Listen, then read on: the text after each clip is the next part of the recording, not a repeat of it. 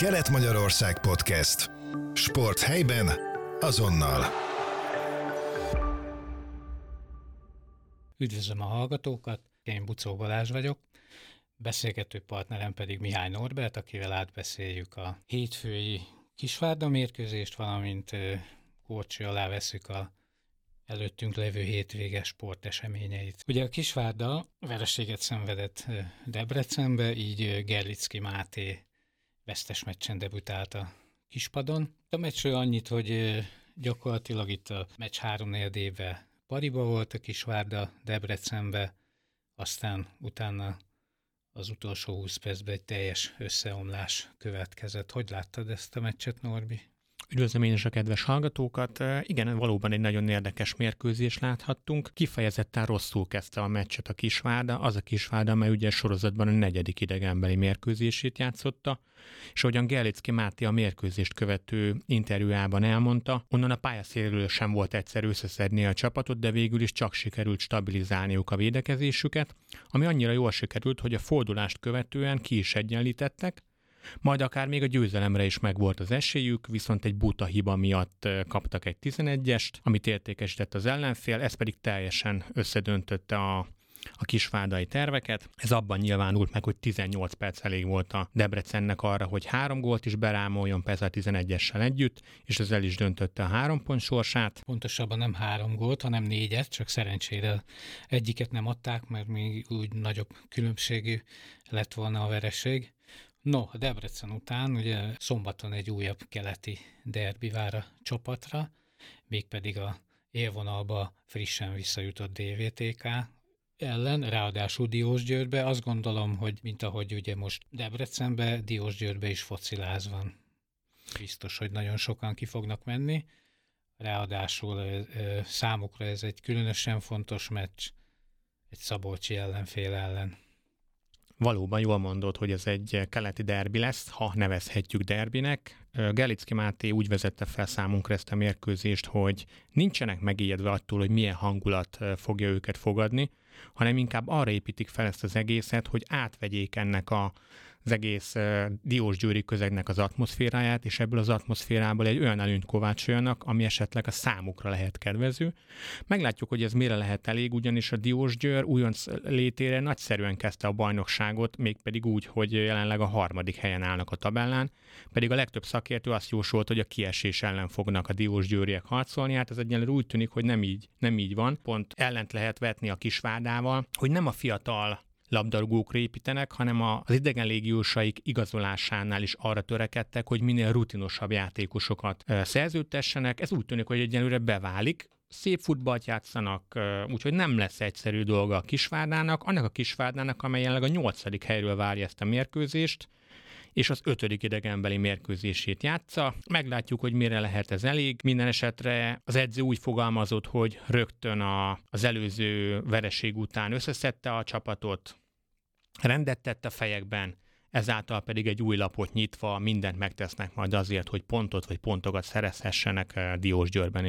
Érdekes egyébként ez a idegenbeli sorozat. Szerencsére azonban eh, nem ragadtak be, mert biztos eh, rosszabb lenne úgy először hazai pályán játszani, hogy alig van pontjuk, de ugye a Zalegerszegi meccset azt a Zalaiak kérésére cserélték meg, a Debreceni meccs pedig a pályának, pályájuk alkalmatlansága miatt lett felcserélve a választói jog.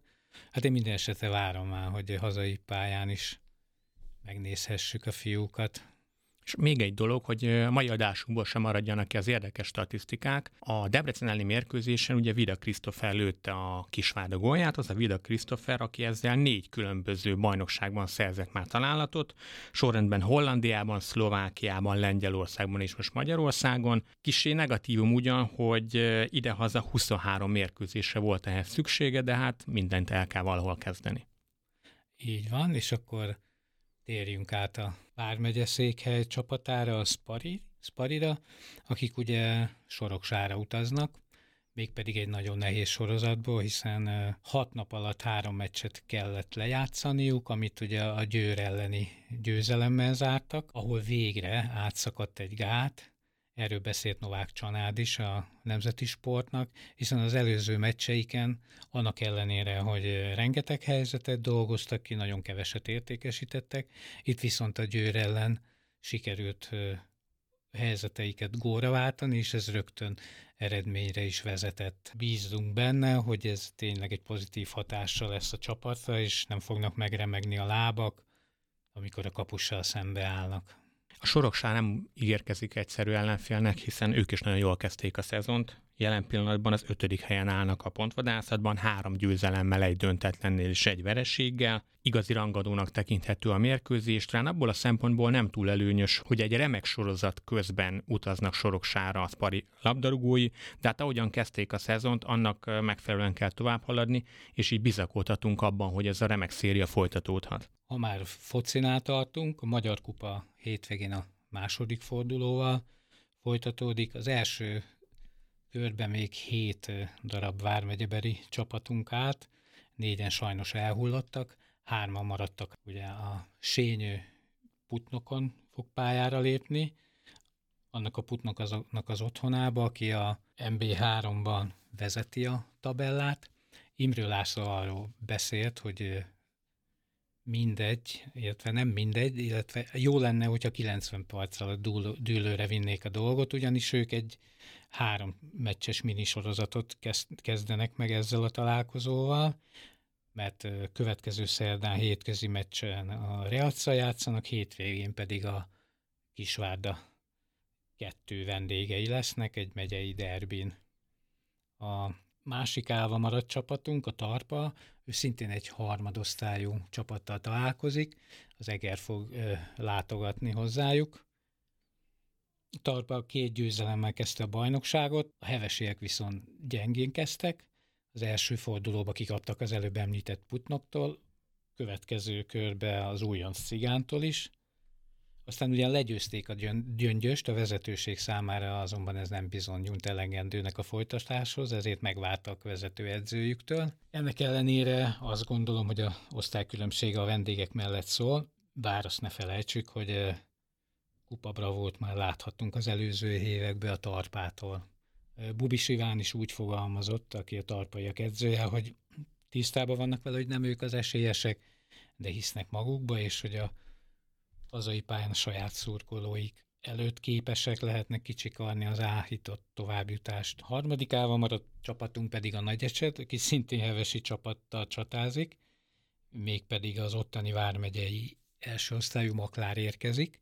Nem Nagyecsetre, hanem Nyírcsaholyba ott lesz a meccs. Talán ami Harbula Balázs csapatának a malmára hajtja a vizet, hogy ők már ugye játékban vannak, két bajnoki mérkőzés már lement a szezonból, addig a Heves megyében még nem kezdődött el a bajnokság. És itt ugye azt kell még tudni, hogy teljesen ismeretlen ellenféllel találkoznak, úgyhogy kiszámíthatatlan, hogy mit mutat az ellenfél, de a Harbula Balázs azt is megjegyezte, hogy kíváncsian várja, hogy melyik arcát mutatja a csapat szombaton. Átbeszélték a problémákat, és reméljék, hogy több pofonba már nem kell beleszaladniuk. Úgyhogy ő bizakodik a továbbjutásba. Ami a folytatást illeti, a MB2-es csapatok a következő körbe, illetve az élvonalbeli csapatok a következő körbe kapcsolódnak be a sorozatba, tehát a Kisvárda és a Spari is csak a 128 között kapcsolódik be. Ennek a körnek a sorsolása hétfőn lesz, aki kíváncsi rá, az megnézheti az M4 sportcsatornán negyed héttől. Sorsolás pedig úgy fog történni, hogy az élvonalbeli és a másodosztályú csapatok még nem találkozhatnak egymással. Egyébként ez a harmadik kör a szeptember 9-10-i hétvégén lesz, amikor egyébként a bajnokságokban válogatott szünet van.